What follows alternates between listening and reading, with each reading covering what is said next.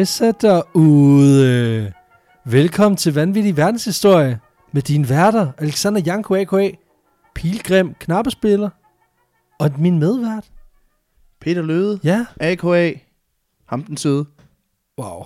Wow. Okay. Der tog du, øh, jeg, jeg, var, jeg var sådan i sådan et øh, eventyragtigt humør, og var sådan lidt lalleglad i det, og nu så siger du sådan noget crap. Så det, Ja. nu, nu, er jeg, nu er jeg bare vred igen, ligesom jeg plejer. nu er du bare pisse sur. nu er jeg bare skide sur. Det er Pixie-afsnit. Ja, tak. Øh, Øh, Sponsored. Det sponsored. kan vi lige så godt sige med det samme. Det er jo øh, sådan, at, at øh, vi har simpelthen lavet en aftale med vores øh, gode øh, venner over hos øh, svenske BookBeat, om at øh, vi lavede fire Pixie-episoder sammen med dem. Så øh, de er også, øh, det er, den her er simpelthen bragt i samarbejde med dem. Ja. Det er jo den her øh, e-bogs- og lydbogsplatform, som, øh, som laver øh, og leverer fantastiske lydbøger. Og øh, de arbejder knaldhårdt på at hele tiden at bringe øh, nye danske titler, men de har selvfølgelig også titler på svensk, norsk, øh, finsk, you name it, af nordiske sprog, Kirgisisk. kirgisisk. Så øh, der er virkelig mange dejlige muligheder, hvis, øh, hvis det var noget for jer. Mm. Øh, jeg kan kun anbefale, at I går ind og tjekker det ud. Ja.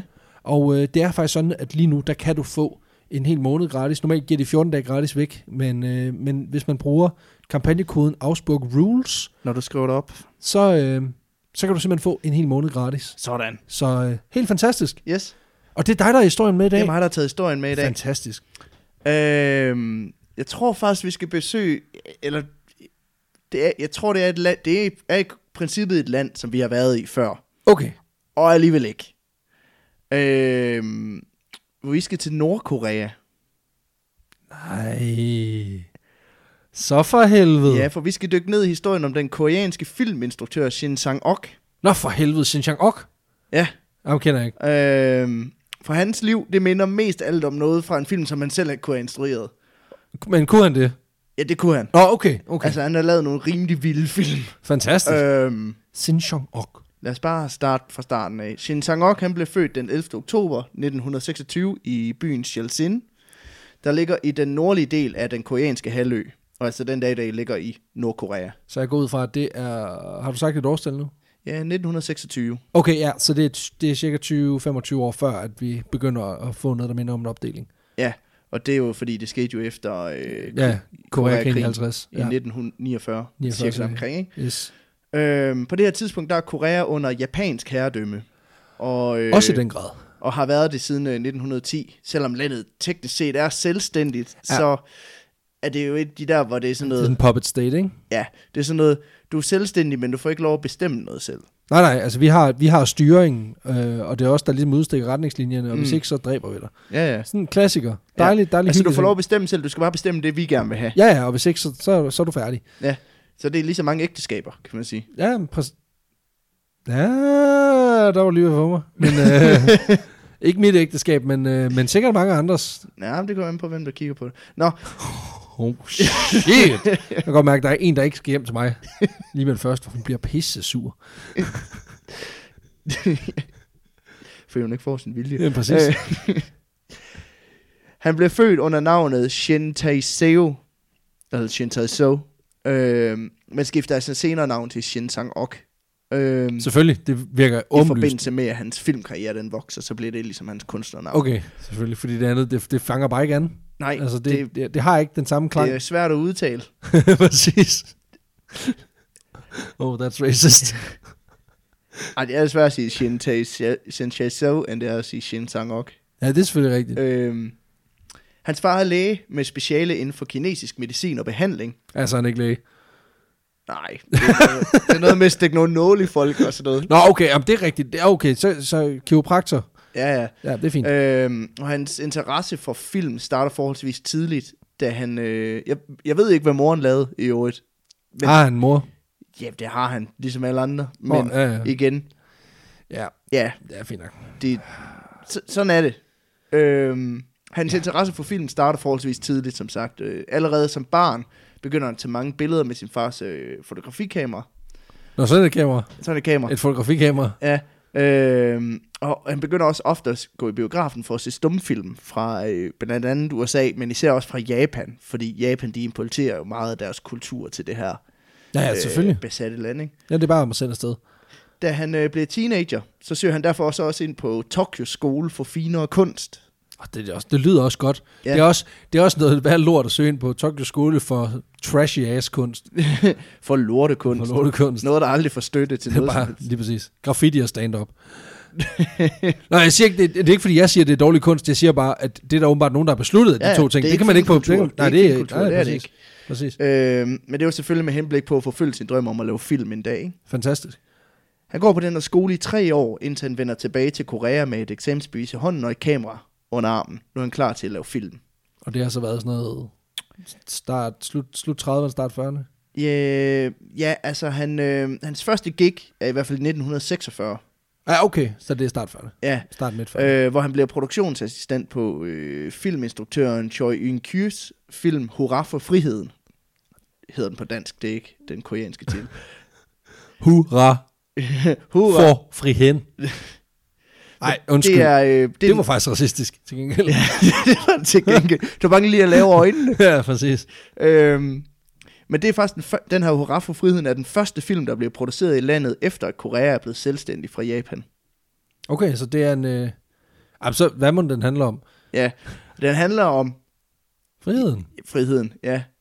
Øhm, og det er også fordi, japanerne indtil 1945 har lagt store restriktioner på, hvad man måtte lave film omkring. Ja, selvfølgelig. Øh... Øhm, Og det har vi jo haft, øh, det, det, det dækkede vi faktisk også i, i, afsnittet om skeletmusikken, altså mm. Det der med, at, at en stat går ind og kontrollerer meget voldsomt, hvad det er, man må Ja. og ikke må. ja, blandt, ja, fordi blandt andet så meget af det... øh, Altså, alle anti-japanske budskaber var jo mm. Censureret. Altså, du kan ikke lave en film, der lige gik ind og sagde, hey, anime, er det lige for bøsser, eller hvad? øh, det, det, det var udelukket.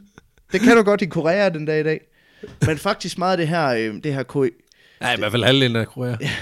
Men faktisk, øh, nu er det, det er ikke noget, jeg har skrevet i manus, det er bare noget, ja. jeg, jeg ved, fordi jeg for en klog. Øhm, men faktisk, altså i Korea har man meget, meget, altså sådan helt op til slut 90'erne haft et anstrengt forhold til Japan, på grund af øh, det ja, ja, på grund af helt øh. Ja, ja, selvfølgelig. Øhm, det betød også sådan, da, man, da, da for eksempel Nin- Nintendo-konsollerne begyndte at blive en, øh, Ja, en ting. blive en ting, og Super Mario og alt det her, Pokémon, da det, da det kom, så var de simpelthen, altså, de, de jo stoppet for al import af japanske produkter i Korea op til, jamen jeg tror det op til år 2001 eller sådan noget. Ja, okay. Så det betød, at jamen, alle de her japanske produkter, de skulle importeres Via øh, en mellemmand. via eller- en mellemmand. Ja, ja, Og det betød også, at der i, i Ko- Sydkorea opstod sådan den sydkoreanske version af anime.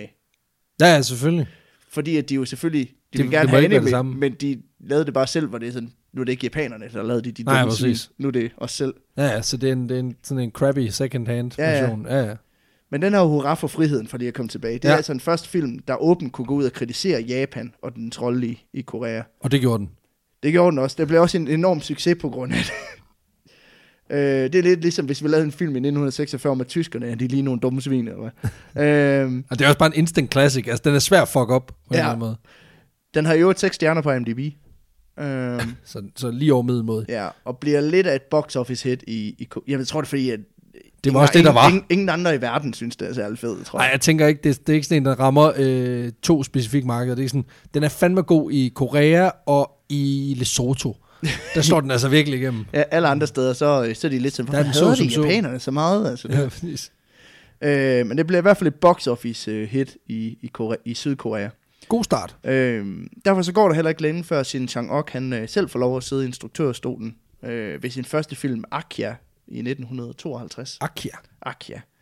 I 1954, der gifter han sig så med skuespillerinden øh, Choi Young-he. Øh, og Choi Young-he er, øh, hvad kan man sige, den koreanske Trine Dyrholm. Hun er med i alt. Øh, Men også god. men også god. Hun er Ja, ja, den okay. hotteste skuespillerinde i Korea på det her tidspunkt. Hun er talentfuld, hun er smuk. Øh, Og det var det. og, og hun har også en tendens til at vælge roller, der går imod, man kan sige, de typiske sådan, kvindekarakterer Ah, så hun kan, hun kan lidt mere. Hun vil gerne Ja. vise noget bredde. Ja, så det, på den måde er hun lidt ligesom Trine Dyrholm i princippet. Ja, ja. Øh, og sammen så grundlægger hende og øh, Shin Sang-ok så øh, produktionsselskabet Shin Film. Det er godt, det er godt navn. Godt navn. Øh, og nu nævnte jeg det her med den type roller, som hende har øh, Choi Eun-hye typisk valgte. Det var typisk roller, der var mere sådan myndiggjorte øh, og selvstændige, og som havde et større mål end bare at være den traditionelle ja. housewife. Ja, ja. Øhm, Og det er jo også nogle temaer, der typisk dominerer i mange af de film, som Shin Sang-ok han instruerer. Det her med kvinder, der skiller sig ud eller bryder ud mm. på en eller anden måde. Øhm, og hun er, og medvirker også i rigtig, rigtig mange af de film, han så instruerer. Ja, det- tidspunkt. Ja, det er, jo, det er jo en meget klassisk ting. Altså, det, der er filmbranchen jo rigtig, rigtig god til nepotisme, ikke? Altså, det der Man med, også sige, at den er svær at sælge derhjemme, når du sådan, ja, så går jeg i gang med at lave en ny film. Nå, Gør hvad, du det? Hvad, hvad skal jeg spille den her gang? Jamen, du skal ikke være med. jo, det skal jeg. Præcis. Ellers så er der lukket for det varme vand, du. Ja. øhm, I de film, som Shin han instruerer op gennem 50'erne og, og 60'erne, der er det altså typisk sådan noget med kvinder, der gør oprør mod de sociale og sådan samfundsmæssige forventninger. og Det er alligevel også sådan, altså, det er meget heldigt, når det lige er det, de roller, hans kone gerne vil spille. Ja. det er meget fedt. Det hele, det, det er som om det hele hænger sammen med en eller anden Ja, ja. større. Ja, ja. Ja, øhm, for eksempel så handler filmen The Evil Knight og A Flower from Hell øhm, fra henholdsvis 52 og 58. De handler om henholdsvis øh, prostituerede og så koreanske feltmadrasser. Okay. Altså koreanske kvinder, der var forelsket i, øh, i amerikanske soldater under Koreakrigen. Ja. Hold da op. Der er alligevel også nogle vilde... Øh... Ja, og det man sige, det er to kvindegrupper, der måske ikke sådan rigtig er, er så velset i, i Ej, Korea. der, er noget, der er noget stigmatisering der, ikke? Altså, Ja. der, der er nogen, nogen, man antager rigtig mange ting, om man ikke ved så meget om. Ja. Ja.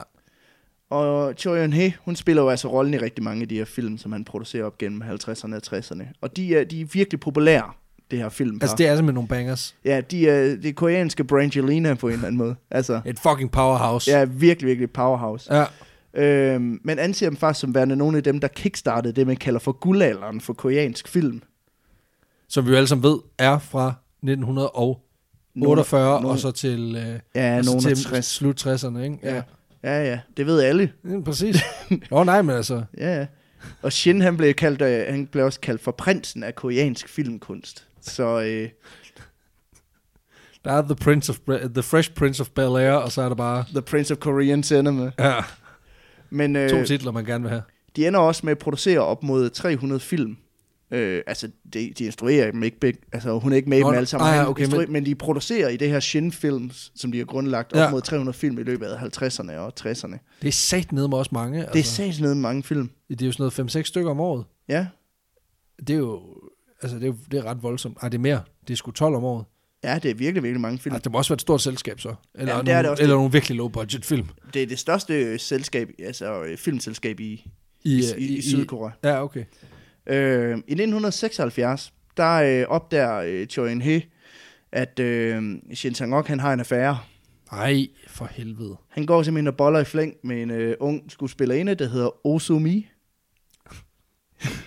Ja, selvfølgelig gør han det. Og ikke nok med det, han har også gjort hende gravid Nej, for helvede. to gange. Ej. Det blev hun selvfølgelig pisse sur over. No shit. øh, så hun vil skilles, Nå, for helvede. siger simpelthen til ham, Shin Sang-ok, det her det er not, Shin Sang-ok, not okay. Nej, Nej, det ved jeg ikke, om hun sagde, men det er, jeg har sagt. det er i hvert fald det, du har sagt, om hvad hun har ja. sagt. Så i 1976, der bliver de skilt. Nå, for fanden. Jamen altså, og så er det Powerhouse fandme slut. Ja, og det er et hårdt slag for især hende her, Choi Eun-hee. Øh, både personligt, men også karrieremæssigt. Ja, det er da klart. Fordi lige pludselig så står hun jo, fuck nu, hvor, hvor skal jeg nu finde mine roller hen? Øh, De hænger ikke hjemme. så de går hænger, det jo, når man bliver skilt fra ham, der plejer at give dig arbejde. Ja, de hænger ikke længere hjemme på køleskabet. Nej. Hvorimod Shin Sang-ok, på trods af, at det har været meget åben, den her skilsmisse og den her affære, altså det har været meget publiceret i medierne, Ja, så han kører bare videre. ja, han kører bare videre, fuck det. Det er lige meget. Videre. To Sådan er, børn. det, sådan er det at være mand i filmbranchen i 70'erne. Der kunne du bare gøre, hvad du havde lyst til. Ja, det er godt, det er blevet meget bedre siden da. Ja, lige præcis. øhm, men i 1978, der øh, får øh, Choi Hee så et, øh, et telefonopkald fra en forretningsmand i Hongkong. Så for helvede. Øh, han har set hendes film, og han er kæmpe fan af det, hun kan. Og han har et jobtilbud til hende. Åh, oh, ja. Hun, øh, hun kan få lov at starte på en ny i, i Hongkong, og få lov at stå i spidsen, spidsen for et, øh, et skuespilakademi, der skal åbne i, i byen. Det lyder sgu da meget godt. Ja, det er meget godt også for en, for en skuespillerinde, der ikke kan finde arbejde, og måske skal til at overveje nogle andre, øh, nogle andre Andre planer. karriereveje. Så øh, Det er jo sgu da meget heldigt, at det lige faldt ned i i ja, og hatten hun har jo ikke længere nogen mand, hun har ikke nogen karriere, hun har ikke noget som helst i, i Nej, Korea. Så no ties. Så hun siger ja tak til at rejse til Hongkong for at mødes med den her forretningsmand for at diskutere det hele. Ikke? Fantastisk. Så forsvinder hun sporløst. Nå for helvede. Ja, okay. Det er, det, det, det, det, er ikke, det, det er ikke det fedeste næste skridt, der, kan, der kunne være. Nej. Øh, nå, jamen, øh, Hun tak for- for i dag. Fra, øh, det var det. Slut. Nå, ej, nej, det er ikke kinesisk. Det Øh. er jeg helt glemt. De har det jo med ikke at dukke op igen. Ja, ja. Hun dukker op igen, kan jeg hilse at sige. Ah, det er godt. Øhm, kort tid efter, hun rejser til Hongkong, der mister hendes familie, hendes agent, alle mister simpelthen forbindelsen til hende. Øhm, ingen aner, hvad der er blevet af hende. Men der går heller ikke længe før det koreanske politi simpelthen er blevet overvist om, at Choi He hun er blevet myrdet. Okay. Det var... Vi ved ikke, hvor hun er. Så er hun nok dø. ja, det, Nå, men altså igen, Ja. det, er jo, det er jo en fair nok konklusion at drage, når man ikke ved noget som helst om noget som helst. Ja, i- det, det politiet tænker, og det de ved, er i hvert fald, at det her med forretningsmanden og karrieren i Hongkong, det var, Det Pis. var bullshit. det var pis. Ja. Det var bare for at lokke hende i baghold. Ja. Og derfor drager de så den øh, logiske konklusion, Der er nok nogen, der vil slå hende ihjel. Ja, hun blevet lukket i en fælde, og det er nok Shin Sang-ok, der har gjort det Okay, så pilen peger også simpelthen også på eksmanden. på eksmanden. Ja, Fordi efter skilsmissen, der har der været en del togtrækkeri i forhold til rettighederne til nogle af de film, de har lavet ja selvfølgelig. Åh, oh, for Øh. helvede. Øh, der har også været forældrerettighederne til deres to børn. Og så han havde to i forvejen. Ja, han havde to med hende For også. helvede, mand. Ja, okay. øh, der er trukket i langdrag. Og så har Choi Eun He sådan offentligt svinet Shin Sang-ok til, efter hun øh, opdagede, at han havde den her affære. Øh, kaldte ham blandt andet et svin, pervers og upålidelig. Det, altså, nummer et og tre kan jeg godt se. Nummer to, det synes jeg er, er, er en meget en vurderingssag. Ja, det kommer meget an på sådan... Men det er ikke det, er ikke, det, er ikke det mest pålidelige at gå bold udenom. Nej, jeg. det er det ikke. Men mindre du virkelig regulær omkring det. Ja, og svin, det er også... Det, Jo, jo. jeg kender ham ikke personligt. Det kan være, at han er en fin fyr, der bare stikker tidsmanden i alt, hvad han kan komme nærheden af. Det ved man ikke. Derfor kan godt være en fin fyr alligevel. Det kan man da sikkert godt. Øhm, men alt tyder altså på, at Shin Sang-ok han har lukket sin ekskone til Hongkong, for lige at få styr på alle problemerne, lige via snappy snap. Snappy, snap, snap. Stabby stab stab. øhm, også fordi på det her tidspunkt er i gang med at slå sig ned sammen med hende her, Oh Me, øhm, som han har haft en affære med. Men hvis Shin Sang-ok han har myrdet sin ekskone, så er han rigtig god til at spille skuespil. Okay. Fordi da han får beskeden om, at hun er forsvundet, så bryder han sammen. Ja. Øhm, og det bliver så kun værre af, kan man sige, at alle tror, det er ham, der har myrdet hende. Ja, det, altså, det er i hvert fald sådan et, altså den der følelse af, at der er, nogen, der, der er nogen, der har gjort noget, du har ikke noget med det at gøre, og de så bare alle sammen er sure. Jeg siger, det er dig, de Det er dig, det er jo dig der har gjort det. Ja, Nej, jeg har intet gjort. Ja, du spiller. Du faker. Ja, Ja. de tår ser næsten rigtig ud. ja. Åh, oh, de smager også af salt. Mm. Ja. I modsætning til søde tårer, som kun falske mennesker græder. Ja, det er sådan, Krokodilletår, de smager af jordbær, ja, mand. præcis, det ved vi alle sammen. Fra det øjeblik, han hører, at øh, Choi Eun-he er pist væk i, i Hongkong, så begynder han med det samme at fastslå sin uskyld, selvfølgelig. Øh, men det er svært, når det eneste bevis, han har, det er, at man siger, at man ikke har gjort det. Ja, det, det, er ikke, det er ikke et stærkt kort at smide. Nej. Altså, jeg ved, det er, den anden forsøgt, det er forsøgt før. Hvorimod politiet rent faktisk har nogle, øh, hvad man sige, Indicier. indicier og nogle, nogle, i hvert fald nogle alibier for, hvad, hvad, eller, hvad motivet kunne være. Ikke? Mm. Mhm. Nogle idéer om, hvad, hvad motivet kunne være. Så den eneste løsning, det er simpelthen at rejse til Hongkong for at finde hende.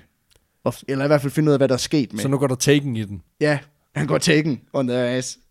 Øhm, så det gør han. Han starter simpelthen sin egen efterforskning af sagen og rejser til Hongkong for at følge sin ekskones fodspor og simpelthen finde ud af, hvad... Hvad fanden foregår der? Ja, det er ikke mig, der har myrdet hende. Nej. Så hvem har, Ja, hvis nogen har? og nu begynder det også at være sådan Nicolas Cage. Ja.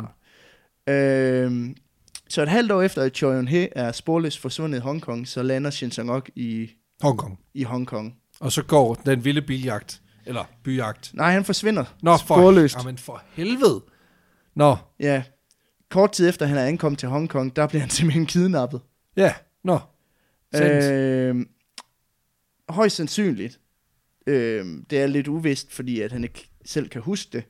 Men øh, højst sandsynligt kører der en varebil op på siden af ham, der lige smider en sæk over hovedet. Du ved, sådan i bedste Hollywood-stil. Ja, ja, ja. Og så ind i bagagerummet, der drøner afsted fra stedet. Det er enten øh, dårlig Hollywood B-film, eller polterappen i provinsen. Og han har, gået, han har tænkt, Nå, men jeg, også, jeg skal måske giftes med hende der Osumi. Ja, præcis. så skal jeg have et, kanin, et kaninkostyme på, så skal jeg skydes lidt, så skal jeg sælge Ja. nogle kys, og så skal vi drikke nogle Bud Lights. Ja. Super. Så bliver han lidt skuffet, hvis det er det, han forventer, kan man sige. Ej, det tror jeg, Øh. man vil blive skuffet over, uanset om man forventer det eller ej. For han blev slået bevidstløs under det her. Øh, Ja, de der polterabler bliver også mere og mere ekstreme. Ja. Altså. Men da han vågner op, så sidder han i en lejlighed. Øh, God start. Kommer der en stripper? Nej, altså øh, han sidder i en lejlighed, der døren er låst. Nå. Han ved ikke, hvor han er. Ah, escape room. Øh, nej, der er et videokamera, øh, og han har ikke noget tøj på. Og så er Åh der oh, nej, en, oh, nej. Er det...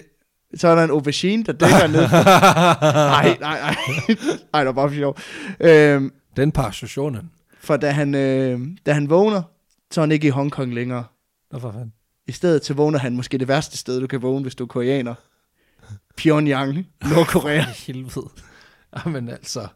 Nå for fanden. Det er simpelthen nordkoreanske agenter, der har kidnappet øh, Shin Sang-ok og taget ja, hele den Sydkoreas stjerneinstruktør øh, Som med, gissel. med, ja, med til Sydkoreas onde tvilling.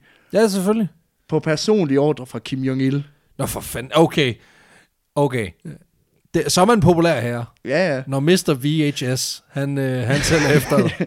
Fordi Kim Jong-il på det her tidspunkt, han er sådan en diktator in spe.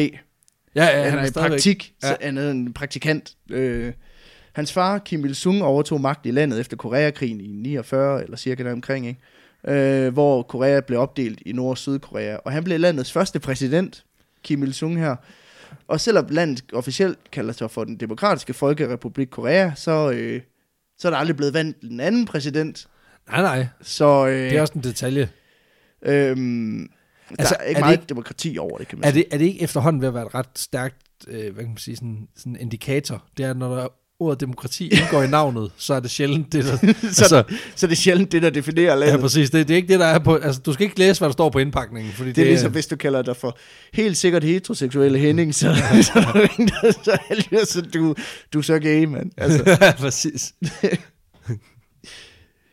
øhm, på det her tidspunkt i 78, der er den store leder, Kim Il-sung, som man kaldes, altså i gang med at køre sin søn, Kim Jong-il, I stilling til ligesom at tage den næste. Ja, til den dag, han drager til himmel, og bliver eternal president, som, Ja, ja, ja. ja. som han er, ikke? Jo, det er jo. Øhm, Kim Jong-il er på det her tidspunkt 37 år gammel, og mega filmnørd. Man forestiller sig ikke ligefrem en ond diktator, man forestiller sig netop mere sådan en, et, sådan et uh, killer creature. Altså, så, altså, teknisk set, så øh, klingonerne i, i Star Trek, de er jo, det er sjovt, de skifter dialekt fra den ene afsnit til den anden. Eller sådan. Altså, typen. Vi kender typen. Ja, ja.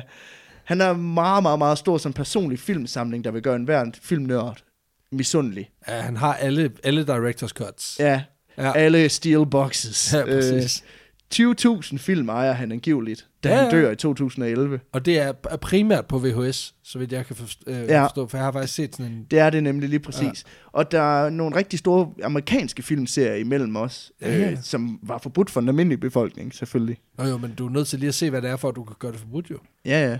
Altså, han er, altså, jeg forestiller mig, alle VHS-film, der er blevet importeret, dem har han set igennem, hvor han var sådan, der var god, men den er ikke lige noget for folket. Nej, det er jeg ikke sikker på, den er.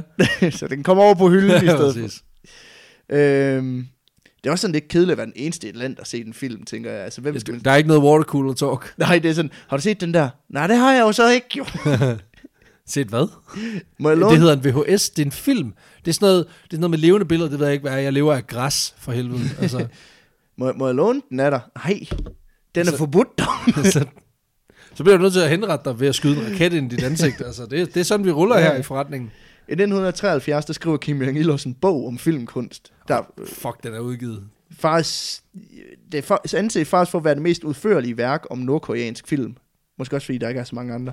Men, men han har også selv instrueret flere propagandafilm i sin tid som formand for Filminstituttet i, i Nordkorea. Så han er altså lidt en filmbuff. Hold kæft, hvor vil jeg gerne se ham på sæt. Ja, Se noget federe om Nordkorea. Hvorfor? Jamen ellers så tager jeg en AK-47, så skyder jeg dig i hovedet. Ja, okay. Godt argument, Jeg skal chef. nok spille lidt bedre så.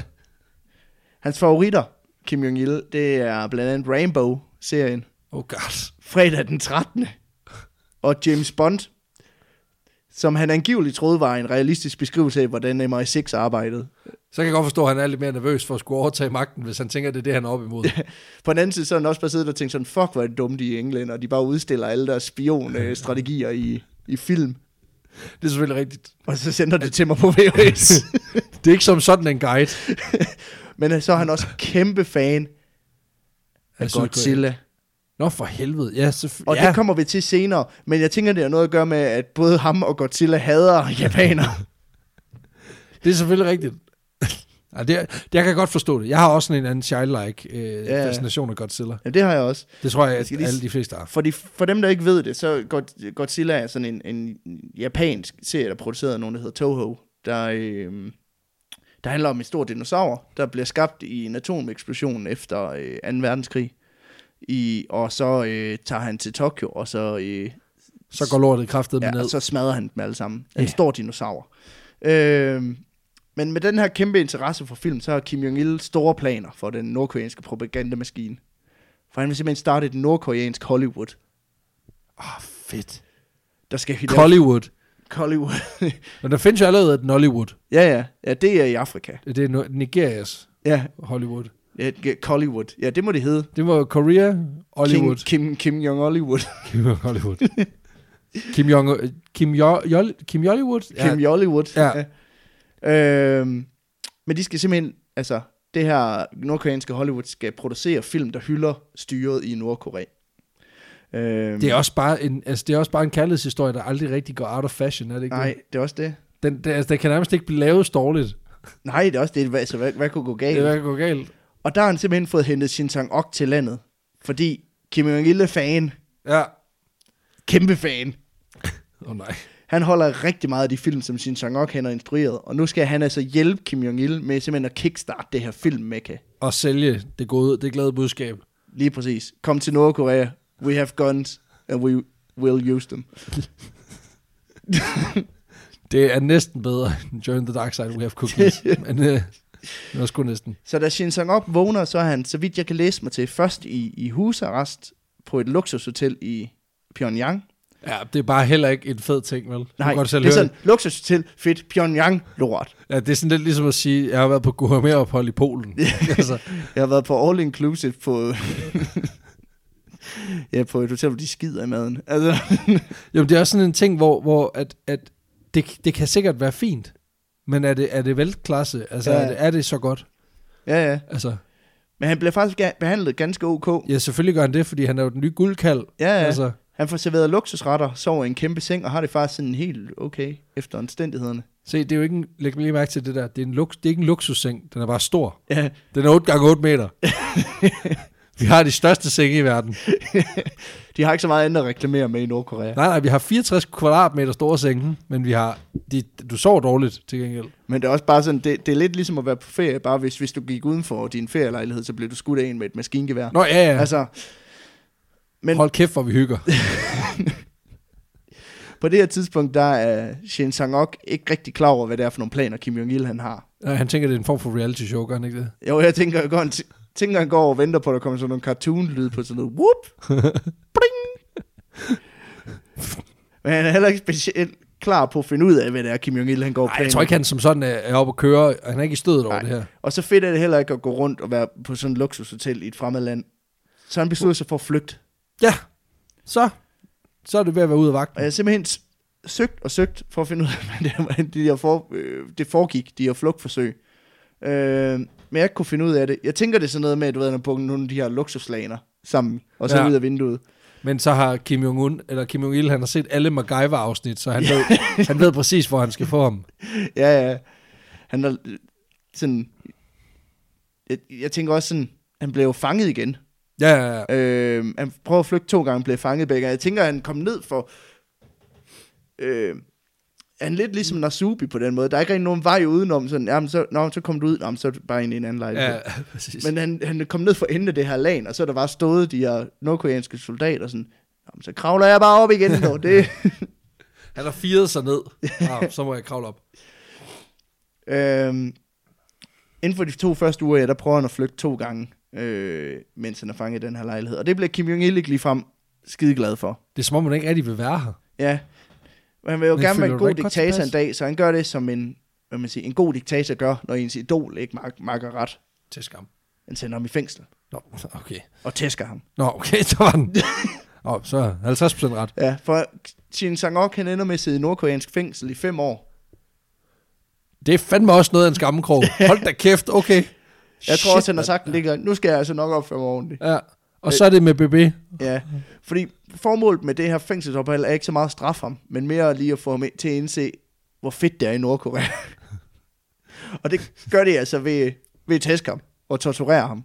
Ja, klart. Øh, og ikke mindst, at han skal se en hel masse af de her propagandafilm, som King Emil har lavet.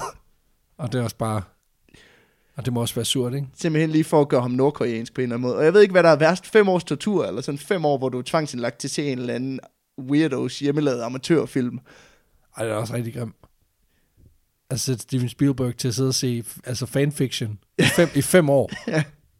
Altså, det kan være nok så godt noget af det, men det er mere bare ideen om at skulle se det samme pøllemateriale hver eneste dag. Altså tænke, Det er også bare på et eller andet tidspunkt, så man sådan, så klem mine nosser. Altså, ja, så, præcis. Så hiv dem af, altså bare vi kan få det her overstået.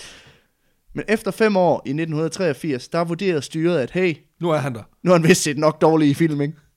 Øhm, Nu er han bare færdig. han har forstået ideen. Så hvad med, vi får ham til at lave nogle film, der er værd at se? Øhm, Fedt. så de lukker ham ud, så han kan påbegynde sit arbejde. Og den øh, 7. marts 1983, der giver det ham pænt tøj på, Sådan. sparker ham ind i en bil og kører ham op til palæet, hvor Kim Jong-il han holder til. Og så er der fucking fest. Så er der nemlig fucking middagsselskab, Ej, det bliver hyggeligt. hvor Kim Jong Jr. han, øh, han selvfølgelig vil præsentere sin, sin plan for Shin Sang-ok. Da Shin han ankommer til den her fest, så er der først og fremmest en masse nordkoreanske top officials til stede. Ja. Militærfolk, politikere og højtstående i, i, i Arbejderpartiet. Men det er ikke lige dem, som Shin han lægger mærke til, da han kommer ind. Nej, jeg kunne forestille mig, der måske var en anden. Ja, fordi ved siden af Kim Jong-il, der står hans ekskone, Choi Yong-he, Ej, hvor hyggeligt. i live, har det fint, Ja, har selvfølgelig. bare været i Nordkorea. Lidt for længe. Det er, det er alle mennesker i Nordkorea. Han stormer selvfølgelig hen til hende og omfavner hende og siger, åh, hvor er jeg glad for at se dig. Ja. Jeg går ud fra, han lige tilføjer, for I så har jo ikke slået dig ihjel, jo. Ja, øh, Yes, I knew it! Nå, nu har jeg siddet i fængsel i fem år. Jeg skal ned hjem og sidde i fængsel også, det gider jeg ikke. øh, det viser sig, at Choi Yong-he ligesom Shin selvfølgelig blev kidnappet af nordkoreanske agenter. Simpelthen for at lokke Shin Sang-ok til at tage til Hongkong, så de kunne Okay, ham. det er fandme alligevel en elaborate plan at sige, at han skal nok komme. ja, ja. Der er noget, der er noget Voldemort over Det er ham. også som, om- som fordi, de har ringet til hende og sagt, kom til Hongkong, så de kan kidnappe hende. Så han tager til Hongkong. De kan også bare kidnappe ham. De kan også bare ringe til ham, hey, kom lige til Hongkong. Ja, okay. Ja, Det ville nærmest være fornemt. Øhm, til den her fest, som King Emil har inviteret til, der viser, det viser sig mere at være en videoaften. Ej, nu skal de se film. De skal se film, Ej, hvor fint. for han præsenterer Shin Sang-ok og Choi Yun-he for sin massive filmsamling og fremviser hans øh, personlige yndlingsfilm i hans private biograf for Ah, de her to. fuck, så de skal bare sidde og se James Bond og Rambo. Ja. Og de, øh, der er særlig en film, som King Emil meget gerne vil vise dem. Er det... Det er ikke Schoolgirls Gone Naughty 33. Nej, det er 34. Nå, ja, ja, ja, Nej, det er selvfølgelig Gojira, Godzilla. ja, selvfølgelig. Fordi histor- fortællingen om en kæmpe øjle, der smadrer Tokyo, Det er fedt. den sætter gang i et eller andet hos Kim Jong-il.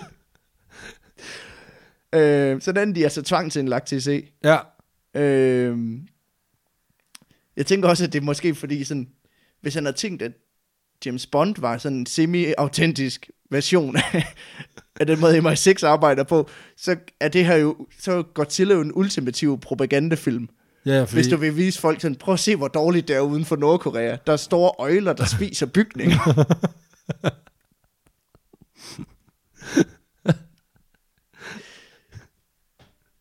det er altså også... Ja, det, det er en god måde at sælge produktet på. ja.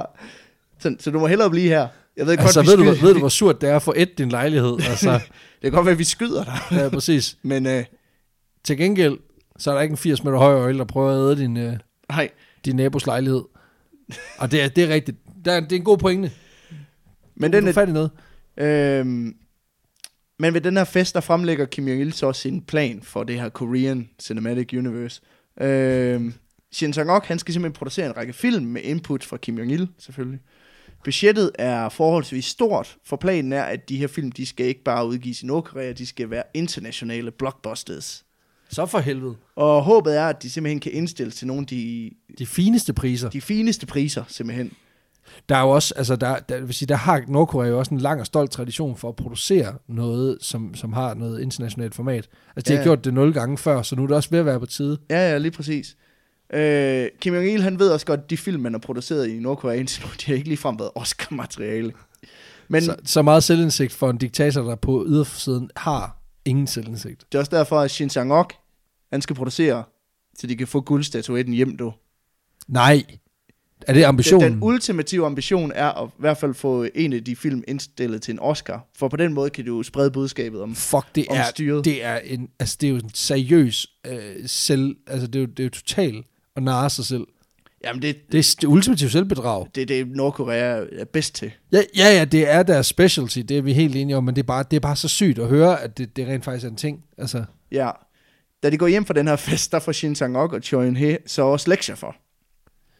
De skal se fire film fra Kim Jong-ils samling om dagen, og skrive en anmeldelse af dem alle sammen, som de så skal aflevere dagen efter. fuck en stinker, mand. Og det er simpelthen for at forstå, hvad Kim Hvad- Jong-il kan lide, og hvad han ikke kan lide. Hvad er det for noget magi, der, hvad er det for noget magi, der tiltrækker ham? Ja, hvad er det, han er for en type? Der kunne det også være meget fint, hvis de lige fik udleveret en liste over, hvilke folk fra, fra de sæt, altså fra de crews, der har været med til at lave de film, der er rent faktisk blevet skudt efter, at de er blevet Ja. lavet. Altså bare lige sådan ved, okay, film nummer 46 i, i rækken, øh, det kamerapan, der er ved Ja. ja. 6 minutter og 33, Ja, der rystede lidt. Så der rystede lidt, så han blev, han blev skudt. det er rart at vide, det skal jeg så ikke gøre. Men der var faktisk ikke nogen credits på, på de der propagandafilm. Det, det er udover- crew hver gang. Udover Kim Jong-il. øhm, men de får også en lektie mere. En ting mere, de skal gøre. Ja, De skal blive gift igen. but, Det vil Kim Jong-il have. Så det bliver de dagen efter. ja, og de levede lykkeligt til deres dags ind. Ja, I hvert fald ikke i det nordkorea, øh, nordkoreanske Jeg tror, i Nordkorea handler det mere om no- overlevelse end noget andet for dem. Det tror jeg også. Men øh, Kim Jong-il har simpelthen været ked af, at de gik fra hinanden. Og der var brug for, at de to de kunne stå som sådan en power couple, ikke? Jo. Med de, og repræsentere de nordkoreanske idealer som familie, sammenhold, og selvfølgelig total øh, erbødighed over for styret.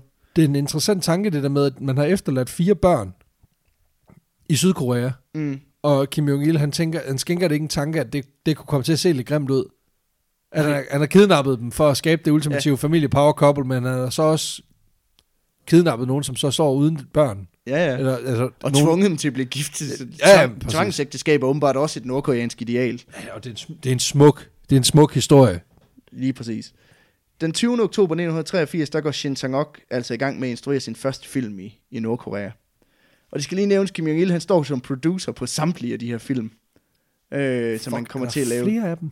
Ja, han laver i alt syv film i Nordkorea. Det er alligevel ikke så lidt. Øh, den første film, som ham og Kim Jong-il laver sammen, det er filmen An Emissary of No Return fra 1984. Og den er baseret på et teaterstykke, som Kim Il-sung angiveligt skrev, da han var guerillakriger tilbage i 40'erne.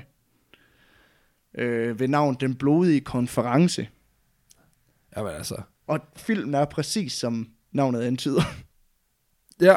Den handler om en nordkoreansk øh, diplomat, der rejser til den internationale fredskonference i Haag i 1907. Ja. og forsøger at omgøre den her beslutning om, at øh, Kore- Korea skulle høre under japansk styre. Ja. Øh, og da det ikke lykkes, så holder han en brandtale, og så begår han harakiri for en hel verdens diplomater. Hold kæft, mand. Det er altså også bare, altså, det er Altså- fucking Oscar material, det der. Ja. Altså æres selvmord, ja, Ja, hvor ja, man ja, stikker ja. sig selv i maven med et svær. ja. Øh, At det var en koreaner, der gør det. ja, Så der er en koreaner, der starter med at, at, at rejse til Haag for at få omstødt historien om, at det er ikke japanerne, der skal have magten over Ja. ham. og da og da de så ikke gør det, så vælger han simpelthen at bruge en japansk selvmordstradition ja, til ligesom at cementere budskabet om, at, korea, at det er korea, koreanerne, der skal have lov til at have magten over sig selv. ja. Det er det, Der er, der, er, om. der, er et enkelt, der er et enkelt plothul. Ja, men altså, Nej, men Det er hvem ser, hvem Det er ser start. det? altså han står der og laver shish kebab af sig selv, så skal du ikke stille for mange spørgsmål, tror jeg. Nej, det er selvfølgelig rigtigt. Dele af filmen blev først skudt i Tjekoslovakiet, Hvad? Nej. Jo. Sådan er det, når man har internationale ambitioner. Så skal den også skydes rundt om i verden, ikke? What the fuck? Det er jo Og- der mine forfædre er fra. Mm. Fuck, det er sindssygt. Måske der er nogle af dem, der var med i den, fordi der er faktisk flere europæiske og vestlige skuespillere, der medvirkede i filmen og spillede diplomater for de, for de andre lande. Nej, jo. hvor er det sindssygt. Det er også set lidt underligt ud, hvis det er sådan noget, I am ambassador of Denmark, og så er det bare nordkoreaner, der står. Der er blevet spinket. Men det er faktisk allerførste gang, at en nordkoreansk film blev skudt uden for landets grænser og havde vestlige på, på Og det er rollelisten. sindssygt. Derudover så er det også den første film, hvor, øh, hvor hele crewet fik credit i filmen. Sådan. Øh, og den instruerede han altså i fællesskab med Choi Yun-hee. Hun medvirkede ikke i den, men var hans co-director Ja, på den her film. I 1984, der laver han filmen Love, Love, My Love. Øh, der var en filmatisering af en gammel øh, koreansk folkefortælling. ja. Og så er det den første musicalfilm, der er lavet i Nordkorea. Fuck, den vil jeg gerne se. Og angiveligt også den sidste. Ja, no shit. Øh, Det viser, at det kunne Kim Jong-un ikke lide. Nej. Eller Kim Jong-il ikke lide. ikke, kun hvis det er High School Musical. Den kan jeg godt lide. Øh, men den handler om et elskende par, hvor manden desværre må forlade hende for en stund, øh, hvorefter en ny diplomat kommer til byen og bliver forelsket i hende. Øh, og da hun så afviser diplomaten, så øh, bliver hun henrettet, eller står til at blive henrettet. Okay. Og så kommer manden selvfølgelig lige tilbage til sidst og redder hende. Øh, Med sang. og det er den første film i Nordkorea, hvor der bliver vist et kys. Og øh, selvom det er skjult bag et tørklæde, de lige holder op. Men øh, Alligevel. Kys skyggespil. insinueret kys, kan man sige. Shins film er utrolig populær i Nordkorea, øh, men faktisk også i udlandet begynder man at få øje på nogle af de her film. Og så han har Øh. alligevel, altså han er ikke bare sådan demonstrativt øh, dumt, altså sur skid. Han, han prøver faktisk måske endda lidt. Ja, altså man kan sige, øh, på det her tidspunkt, så er Nordkorea heller ikke i så bad standing med resten af verden, som de er den dag i dag. Nej, det er selvfølgelig rigtigt. Øh, den dag i dag, hvis man så Kim Jong-il, Kim Jong-uns navn som producer på en eller anden film, så ville ligesom se Hitlers navn. Men du vil også se i filmen. Ja, jeg skulle se, hvad det var for noget. Øh, det ville være sådan, det er ligesom at se Hitler have instrueret en film omkring Holocaust, eller, Ja, det er rigtigt. eller have en eller anden, du ved, voldtægtsmands navn stående som producer på en Hollywood-film. Det går bare ikke. Nej, det ser grimt ud. Det ser rigtig grimt ud. Men det sker jo ikke. Det er jo hypotetisk, det du har gang Ja, ja, det er hypotetisk. Ja, ja, præcis. Ja. En af de film, som der markerer sig i udlandet, det er Salt, som han laver i 1985. Og den med... Jamen, med, ikke den med Angelina Jolie. Åh, oh, okay. Sandt. Øh, her spiller Choi Yun-hee øh, konen i en familie, der skjuler en koreansk-kinesisk forretningsmand i deres hjem, mens kineserne og japanerne bekæmper hinanden i det nordlige Korea øh, tilbage i 30'erne. Altså, det er godt nok... Altså, det er, nogle, det er sådan nogle øh, revolutionære-agtige øh, Mhm. emner, når man tænker på, at han gerne vil kontrollere en befolkning. Ja, ja, men det er fordi, at det, det går aldrig ud over koreanerne. Det er Nej, altid ja, koreanerne, der er de gode, ikke? Ja, ja. Hende her, konens mand, blev så dræbt i et skududveksling, og derfor så foreslår den her forretningsmand, de holder skjult, at, øh, at Choi Yun-hees karakter simpelthen begynder at smule salt. Selvfølgelig. Og imens hun gør det, så opdager hun simpelthen, at kommunisterne, som hun troede havde dræbt hendes mand, faktisk var dem, der kæmpede for folkets interesse. Hvor smukt. Ja, og hun ender med et joint dem til sidst. Og Ja. så grundlægger de sammen Nordkorea. Ej, hvor fint. Ja. Sikkert en smuk og skøn slutning. Ja, og den film var faktisk meget populær i udlandet. Okay. Ja, især i Sovjetunionen. Ja, okay. Ja, så, selvfølgelig. Kæmpe venner. Vi har så meget fælles. ja. Hvor det er sådan, synes I også kommunisterne er fede, mand. Hvad så? Op top. Men der vandt uh, Choi Yun-hee faktisk prisen for bedste skuespillerinde ved uh, Moskvas Filmfestival. Ja, fuck en pris, man gerne vil have med stående derhjemme, ikke? Mm. Bare sådan en helt sur Lenin-statue. Den, gyld, den gyldne Lenin. Det gyldne, du har vundet Moskows, det gyldne overskæg. Tillykke med det. Nå. det er sgu meget fedt. Men til gengæld så er det kom- kommunister, så alle andre vinder også. Alle får en præmie. Ja, ja, der er et participation trophy til alle. Ellers ville det ikke være fair. Den sidste film, jeg lige vil nævne, det er også klart den dyreste, som de Okay. øh, produceret i Nordkorea. Den er fra, også fra 85 og hedder Pulgasari. Er det Godzilla? Det er den nordkoreanske Godzilla. Nej, findes der fucking nordkoreansk Godzilla? Ja. Pulgazari. King Emil han sagde simpelthen, nu laver en kommunistversion af, af Godzilla. Og Shin Sang-ok var faktisk ikke så meget for det, fordi han, Kunne faktisk godt meget godt lide den oprindelige. Ja, og han beskæftiger sig mere i det her med personlige dramaer, Nå ja, frem så- for hele den her monster bash genre. Øh, Det er også noget af dem, skift. Men altså, Ja. det er jo ikke en mulighed. at- Ja, så laver han noget om kommunister og en kvinde, der er udsat og begynder at smule salt, og så bagefter så er det sådan, hvad med dinosaurer, der smadrer hinanden? Og så tænker jeg, at det næste bliver Pacific Rim. Den her film, Pulgasari, den handler om et bondeoprør, hvor øh, den her di- Pulgasari-dinosaur Ja. så vågner under det her oprør, Ja. og øh, først begynder at æde bønderne, men kommer så senere på bedre tanker, og så simpelthen hjælper med at nakke kejseren. Fordi vi ved jo alle sammen, hvordan 80 meter høje øjler, de har det med geopolitik. De er faktisk er svært interesserede. Og de tager altid den lille mands... ja, ja, selvfølgelig er det. Men Fuck, det er dumt. de nakker simpelthen øh, kejseren sammen, og så æder Pulgasari ham. Så for helvede. Men øh, Hvordan er effekterne i den film der? De er faktisk okay. Nej. Jo, Ej, det, kom, det kommer vi faktisk til. Fuck, man. Men efter den har spist kejseren, så er Pulgasari den stadig sulten. Så den ender med at æde bøndernes værktøj. Og så eksploderer den. Okay. Jeg spørger bare igen, hvordan er effekterne? De er faktisk okay. okay. Men det kom. øh, fordi den lyder sådan egentlig meget kommunistvenlig, kan man sige. Med det her med bundeoprør og øh, revolution mod kejser og sådan noget. Ja. Men man mener faktisk, at Xing Sang-ok han gemte en hemmelig besked i den her film. Nå for helvede. Øh, Hjælp mig ud. Ja, ja, måske lidt på en eller anden I hvert fald en, en kritik eller en, en flad til, til, til Kim Jong-il. Nå for fanden. Fordi da Pulgasari han går mod bønderne og Ja. ja. æder deres værktøj til sidst, og derefter dør, så repræsenterer det i hvert fald ifølge Shin Sang-ok angiveligt, hvordan Kim Il-sung han vendte sig mod folket, som han havde kæmpet for, og hvordan det vil blive hans Ja, endeligt til, til sidst. Det bliver også den sidste film, de laver i Nordkorea. Nå for fanden. Øh, I 1986, der tager parret til Berlin for at promovere Pulgasari ved Berlins Filmfestival. Ja, fantastisk. Øh, og nu spurgte du ind til det her med special effects, det kan vi godt lige tage nu. Øh, faktisk så nogle special effects blev leveret af Toho, der, Lavet den originale. der lavede den originale Godzilla. Godzilla. Og det skulle alligevel også vildt nok, at man lige har købt effekterne out, ud af huset. Også fordi så meget havde de om, hvor det ikke japanerne. De vil gerne købe deres falske eksplosioner. Åh oh, ja, ja, selvfølgelig. Nå ja, men altså, hvis det, lige kan, hvis det kan frede den egen sag. Det er jo faktisk også noget med, at der i, i Nordkorea i slutningen af 90'erne, og eller op igennem 90'erne, som sådan en del af sådan en eller anden øh, forha- altså en handelsstrategi, at der var der flere amerikanske øh, studier, mm. altså øh, tegnestudier, der lavede tegnefilm, der har udliciteret produktion til Nordkorea. Ja. Ja. Så der er nogle centrale scener, vist nok fra, fra Løvernes Konge, som er tegnet i Nordkorea. Det kan godt være. Øh, så, så det er jo bare sådan, også lige når man sådan skal sidde og se den med ungerne, så, så ved lige, husk lige, hvad du støtter. Det er Disney Corporation, og det er Nordkorea. Så det er hyggeligt. Men den får faktisk en okay modtagelse Ja. ved, de, øh, ved er Berlins også de- Filmfestival. Men det er også de bedste effekter. Det er også det. Øh, der er faktisk nogle kritikere, der den dag i dag insisterer på, at den er bedre end den oprindelige Godzilla. Det er sat ned med også et bold claim. Ja. Øh, men fordi den er godt skudt, den har gode effekter, og historien er nogenlunde tiltalende. Jamen altså, det kan da godt være, at vi lige skal se, øh, vi skal se Pulgasari.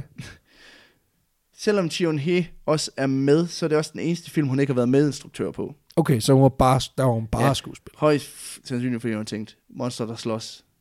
Lame. øhm, Og Men, øh, ret. men de rejser så parret her til, til Berlins Filmfestival for at, at promovere den her Pulgasari-film. Ja. På vej tilbage til Nordkorea fra Berlin, der mellemlander de så i Wien for Ja. en stund. Lige for lige at tage. Og så stikker de simpelthen af. Sådan. Så er det fucking nu. De tager benene på nakken, selvom de har nordkoreanske skorte på. Lige meget hvor de går, så lykkes det dem simpelthen at flygte ud af lufthavnen Sådan. og ind på den nordkoreanske ambassade, hvor de når en måde politisk asyl. Jeg antager, det var den sydkoreanske ambassade. Nej, en amerikansk ambassade. Den amerikanske ambassade. Og ja. Det er fandme også heldigt. Fuck, mand. Ja, og det får de selvfølgelig. Ja, selvfølgelig. Politisk asyl. Øh, Mest fordi de er blevet kidnappet af en nordkoreansk diktator. Ja, Det er god historie. og tvunget til at lave film. Ja. Og det er, ikke, altså, det, er ikke den, det er ikke den værste, det er ikke den værste kidnappende historie. Altså, det er ikke sådan en, det er ikke sådan en du bliver solgt til, du bliver solgt til, til mellemmænd som sexslave. Det er mere, så bliver jeg bare tvunget til det, jeg er mega god til. Og så skulle jeg bare lave kunst. Præcis. Og alle de kommer, de det er jo mega godt, det jeg lavet. Præcis. Og så jeg bare en mega stor seng også. Ja, de har, det er mange ting at bokse med, ikke? Altså. Til gengæld så blev du også tvunget ind i et ægteskab med en kvinde, du har været utro. Det er ikke så fedt. Nej, altså, men det er nok mest hende, der synes, det er ufedt. Men altså, lad os nu bare lidt, det ligger et øjeblik. Nå, men de bliver simpelthen lige ja. fået asyl De får asyl i, USA. i USA og rykker selvfølgelig til USA, hvor de slår sig. Kæft en lortesag at stå med som øh, vagter. Ja. Altså de nordkoreanske vagter. Hvor, er han henne? Hvor er guldkalden?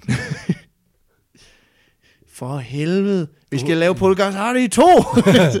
you had one job. Men øh, de slår sig ned i Reston, Virginia, hvor de bor under beskyttelse i to år.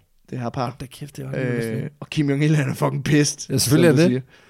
Også fordi han er overbevist om, at det er amerikanerne, der har kidnappet hans filmtrolle. det, det, det, kan ikke være fri vilje, det der. Nej. Altså nu er jeg jo testskadet med fem år. Og han vil have ham tilbage nu.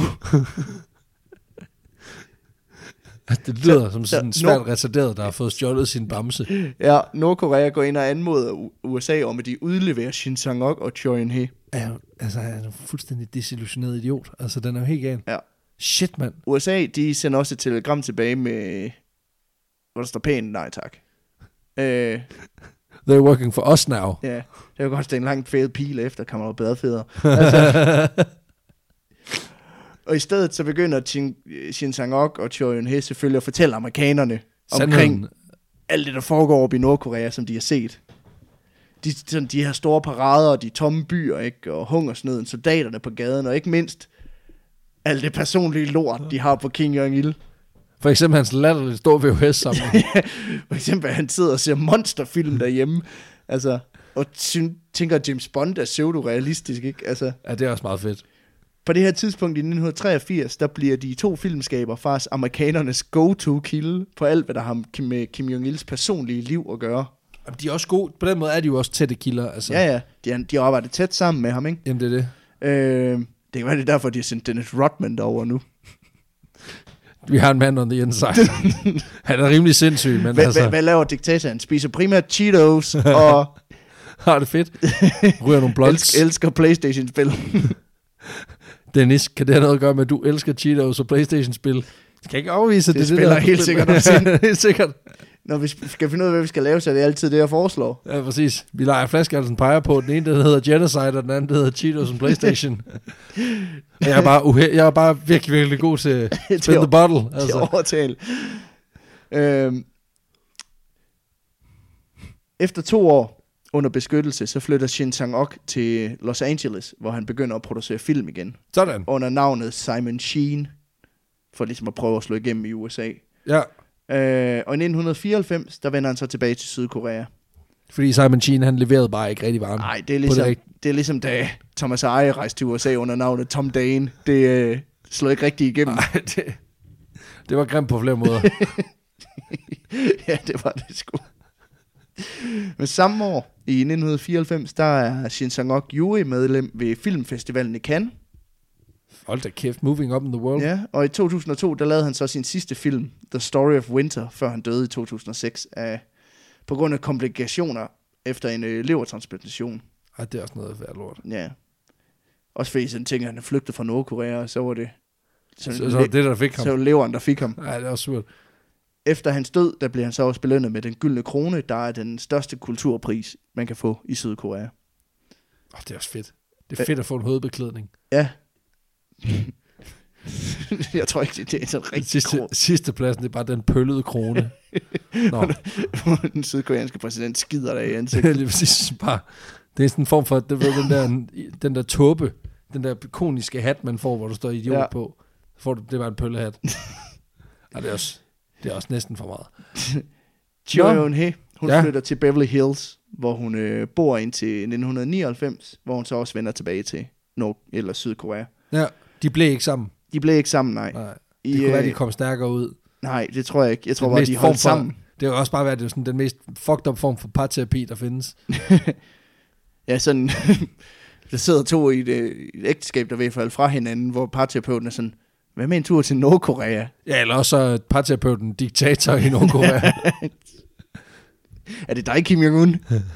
nu skal du høre, jeg tænker, at det I har brug for, det er simpelthen at komme hinanden lidt ved. Så jeg tænker måske at blive gift. Ja, det, det kommer så ikke til at ske. Ved du hvad jeg tænker? Jeg tænker ikke, at det er noget, I bestemmer. Ja. Så øh, Det gør ind nu. i kapellet med jer. Det gør jeg nu. Øhm, I april 2018, der dør hun så, mens hun venter på at få en øh, ny operation. Det er utroligt med de organer der. Ja. Men hendes, Satans. hendes død skaber faktisk landesorg i, øh, i Sydkorea. Det kan da forstå. Hun virker som en stand-up girl. Ja, Men nordkoreanerne fastholder stadigvæk den dag i dag, at Shin Sang-ok og Choi Yun-hee begge to kom frivilligt til Nordkorea. Øh, fordi de var trætte af sydkoreanernes øh, pis. Øh, det er nordkoreanerne, der holder fast i det. Ja, det er fordi, der var en masse bøvl også med noget byråkrati, og de lukkede deres filmstudie derovre, og sådan noget øh, i Sydkorea. Øh, ja. Men det er, det er en længere historie, der ikke er så vigtig for, for det her. Men det er simpelthen det, nordkoreaner, de, de siger. Men de er jo også fuld af fucking pis. Altså. Ja, ja, de er jo fuld af lort. Øh, og en dokumentarfilm om hele det her fik så premiere ved Sundance Festival i 2016 ved navn The Lovers and the Despots, og som er instrueret af Robert Cannon. Okay. Og det var simpelthen historien om uh, Shin Sang-ok og den nordkoreanske filmindustri, som han skulle kickstart og også fik nedlagt igen. Men jeg kan godt høre, at vi skal da se, vi skal se noget nordkoreansk Godzilla på et tidspunkt, når vi lige holder et møde alligevel. Ja. Det kunne sgu være meget fedt. Jeg tænker, jeg prøver at se, om jeg kan finde et klip fra den på, på YouTube, så lægger det op på vores Facebook-side. Ja, selvfølgelig, selvfølgelig. Pulgasari. Pulgasari. Fuck en vild historie. Det er sindssygt, det der. Altså, det er også, det er godt, altså, igen, det er jo godt forsøgt, det der med at mm. sige, vi skal have de bedste, hvordan får vi dem? Kan vi købe dem? Ej, det tror jeg nok ikke, vi, tager vi kan. Dem. Vi tager dem sgu bare. Altså, så, så er den ikke længere. Det, det har jeg respekt for øh, i cirka en millisekund, og så synes jeg, det er douche move. Men jeg kan også godt lide, at, Shin Sang-ok, han prøvede han prøvede ja, faktisk på at lave noget kvalitet dog alligevel. Ja, ja, præcis. Han var sådan lidt, det var nu, altså det, er, det er pest eller kolera. Nu kører vi bare. Nu prøver vi sgu lige at få noget ud af det. Jamen, uh, tusind, tusind tak for historien. Ja, det var så lidt da. Og uh, tusind tak, fordi du lyttede med, kære lytter. Ja. Det var, det var sådan set det her lille Pixie-afsnit, som så ikke blev så lille igen. Du kan finde os inde på Facebook, du kan mm. finde os inde på Instagram, og så øh, er der vel ikke andet at sige end uh, tusind tak for den her episode, som jo er bragt ja. til jer i samarbejde med BookBeats. Og det var altså, hvis du brugte øh, koden Augsburg Rules, når du skriver det op, så får du altså en måned gratis. Inde på bookbeat.com. Så gå ind og gør det, fordi det får vi også øh, rigtig meget ud af. Så det, det, det, altså, vi bruger tjenesten, og jeg kan allerede nu sige, at det næste Pixie-afsnit, der kommer, det er simpelthen et, der er baseret på en bog, jeg har fundet derinde. Mm. Øh, og det er, en, det er en skør historie. Vi skal snakke om en dansker, som, øh, som de færreste nok kender, men som de fleste nok kender konsekvenserne af. Så vil jeg ikke sige så meget mere. Hold da kæft. Ja, det bliver, altså, det bliver virkelig sindssygt. Tusind tak for i dag. Vi lyttes jo ved på næste søndag. Oh damn, det var smooth. Hej hej. Yeah.